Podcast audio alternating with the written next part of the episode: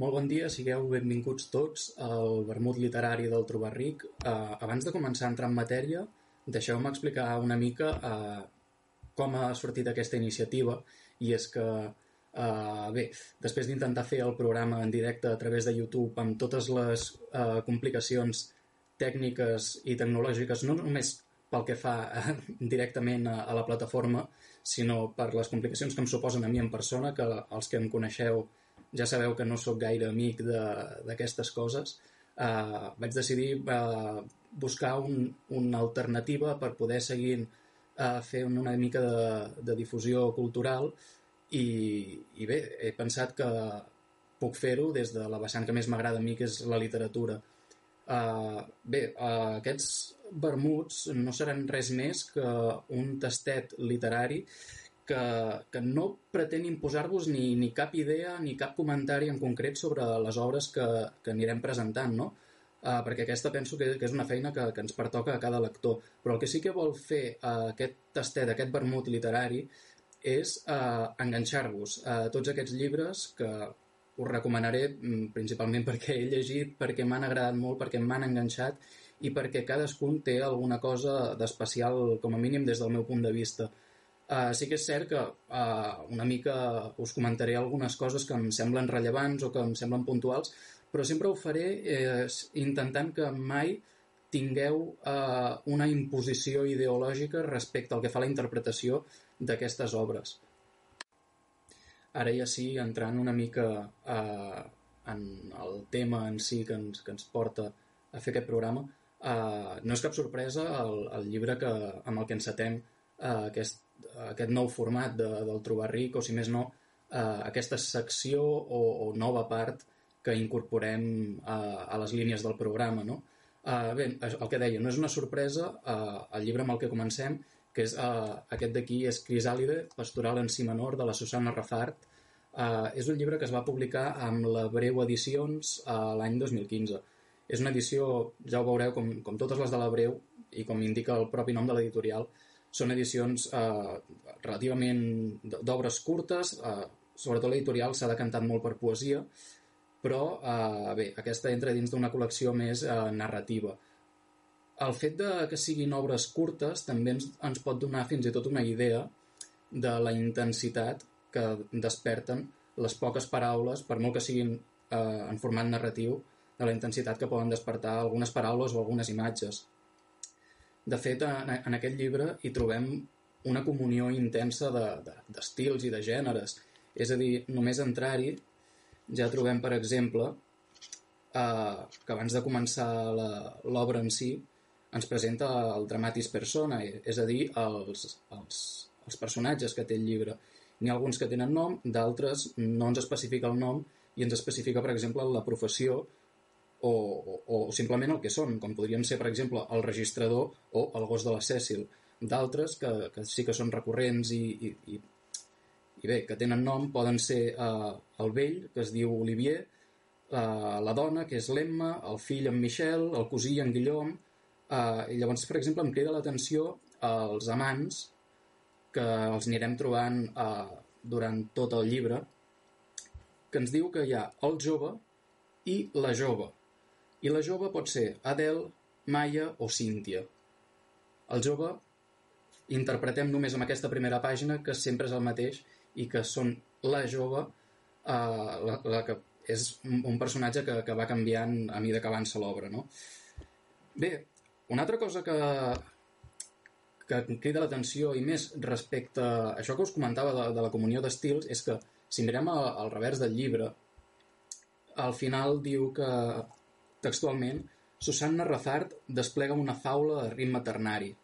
Què vol dir una faula de ritme ternari? O sigui, hem mirat els, els personatges i només hem vist, tret del gos de la Cècil que us he dit, uh, hem vist persones. L'Olivier, l'Emma, en Michel, en Guillaume, els joves...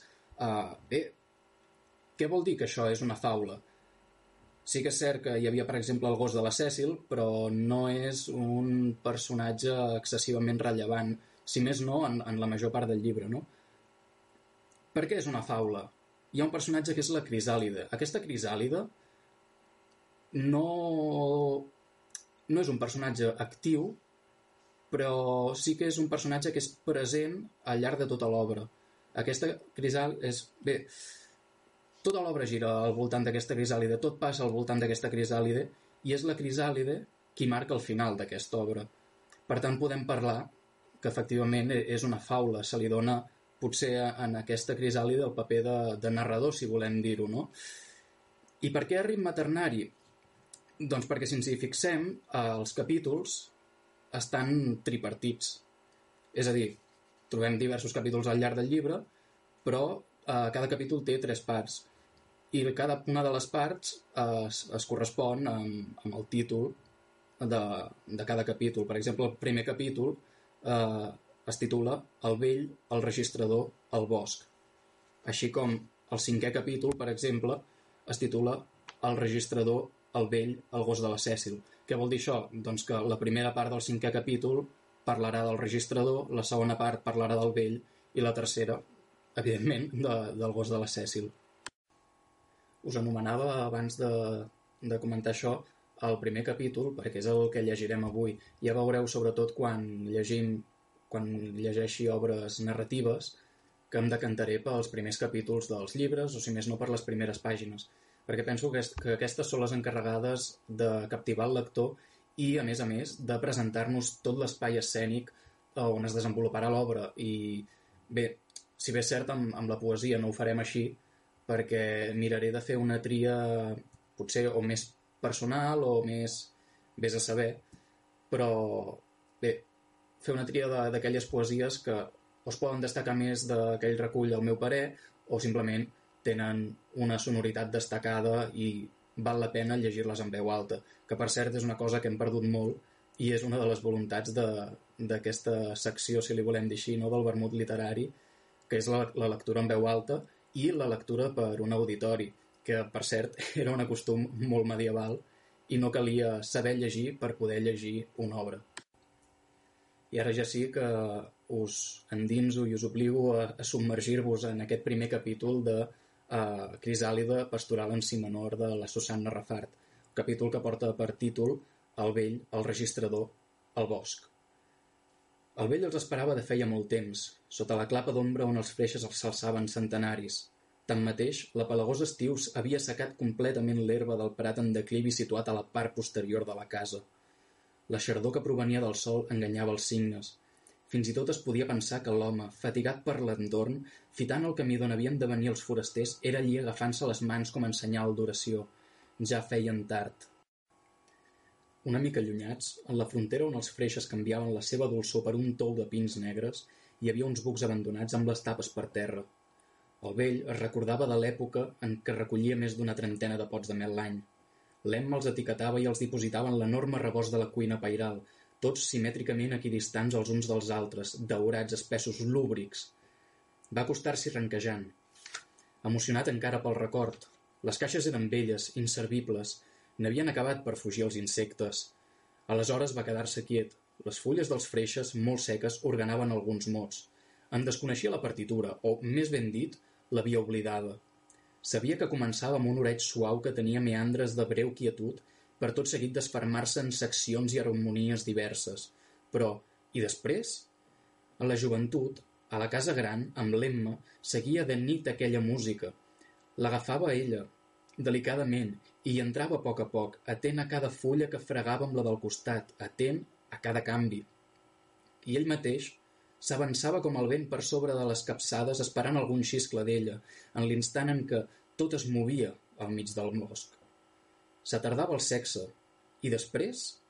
Era inútil buscar aquell fons gris en la seva memòria. La intensitat no s'havia fixat en el cap dels seus racons, abatuda pel temps com aquelles fulles seques, com aquella mel fugida. El registrador ha visitat avui quatre granges, els camins són tortuosos, sovint hi manquen cartells indicadors, i els sots i les cavitats destrossen els esmorteïdors del cotxe. Les informacions són erràtiques, ningú no hi entén res. Malauradament, la tasca que té per davant és llarga. Primer va inspeccionar l'àrea de Bordeus, i ara que és a casa, al vell mig de la Dordonya, intenta esbrinar què passa. La vespa velutina nigritòrax va aparèixer a la regió d'Aquitània. Deu fer sis o set anys. Només 30 exemplars poden arribar a matar unes 30.000 abelles autòctones en 3 hores, però a la gent no li expliquis que els carregaments no estaven desinfectats. Algú hi veu la mà negra dels productors xinesos, uns altres una conseqüència col·lateral del comerç global incontrolat. El punxó és molt fi, molt més que el de la vella habitual, per això pot introduir el en molta més quantitat una i una altra vegada maleïda bèstia. Després destrossa el rusc. Tot es complica si els productors en neguen l'evidència. Un moment sembla que percep una sotregada a la roda del davant. Sí, la de la dreta. S'ha d'aturar. Ho sabia. Ha punxat. Just en el tram on no hi ha cap ombra. Són les dotze del migdia. S'esfondra a pic la foscor que se li enganxa als peus. Sua de no dir. Té xop a la camisa. De lluny arriba una remor. Un motor. Tal vegada el podran ajudar. S'espera. Sembla que s'ha aturat una mica lluny. Ella li fa un petó violentament. Tornen a engegar i el depassen sense ni mirar-lo. Dues siluetes joves estampen rialles contra la seva contrariada situació. Són bellíssims. Qui deuen ser? El registrador deixa la roda del maleter al vell mig del camí i s'abandona un plor ple de desconsol. Els grills omplen el bosc d'una xalabrada orquestració. Cauen tones de marbre solar sobre els camps i s'extenuen les merles que encara intenten el vol. Els freixes són captius d'aquest deliri i comencen a bascular les branques plenes de seques rialles. Sembla que tot s'extingeixi mentre el vell, amb una concentració extrema, pren les mans en senyal d'oració i mou els braços a banda i banda amb gran lentitud només per sostenir-se dret, sense pensar en res. Potser espera algú, però ara no ho recorda. Únicament, a la desesperació de l'oblit, té la imatge d'una crisàlida ferrada a la porta de la biblioteca, una porta que ara no pot tancar, perquè la larva s'ha encapsulat a tocar la frontissa, entre el declivi despintat de dos llistons blancs. El sol, inevitable, abat contra els lloms dels llibres, llapant sense impudícia les rajoles vermelles que, en la pau de l'estiu, sempre eren glaçades. És així com acaba el primer capítol d'aquest llibre. Ja sé que segurament per la temàtica, que de fet només s'ha arribat a insinuar aquesta eh, invasió, aquesta plaga de vespa asiàtica, eh, no us enganxarà, o si més no, a no sé que sigueu, com aquell que diu, uns friquis de les vespes, eh, no, no serà el, el, el fet que us enganxi, no? El que sí que estic convençut que us pot arribar a captivar és eh, aquesta facilitat per crear l'espai escènic. És a dir, aquí es, eh, si, eh, es pot eh, destacar molt la, la vessant més eh, artística en el sentit de la, eh, de la pintura de, de l'autora, no? Eh, ens presenta un, uns paisatges, una, una escena concreta, ens tanca l'espai escènic en, com si el poguéssim fins i tot retratar eh, en una vinyeta de còmic, si volem, no? I a més a més, la bellesa amb el que el presenta, la bellesa també de les paraules, la plasticitat que genera tot plegat, i bé, que potser pot anar una mica marcat per les cites que trobem tant al principi com al final de, del, de l'obra.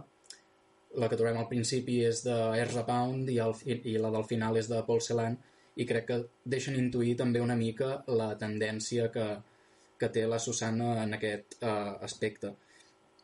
A més, si us endinséssiu, si decidiu endinsar-vos més uh, en aquest llibre, podreu trobar que aquest llibre no només és això, sinó que trobareu gran quantitat de referències a altres autors, etc etc etc, amb moltíssims tòpics, per exemple, medievals, que són ben vigents i, i destacats. Vull dir, són molt uh, clars i, i no, no costa gaire de, de trobar-los, però sí que uh, doten el, el llibre i l'obra en si de, d'una qualitat extraordinària, al meu parer. Espero que, que hagueu gaudit d'aquest petit tastet, no?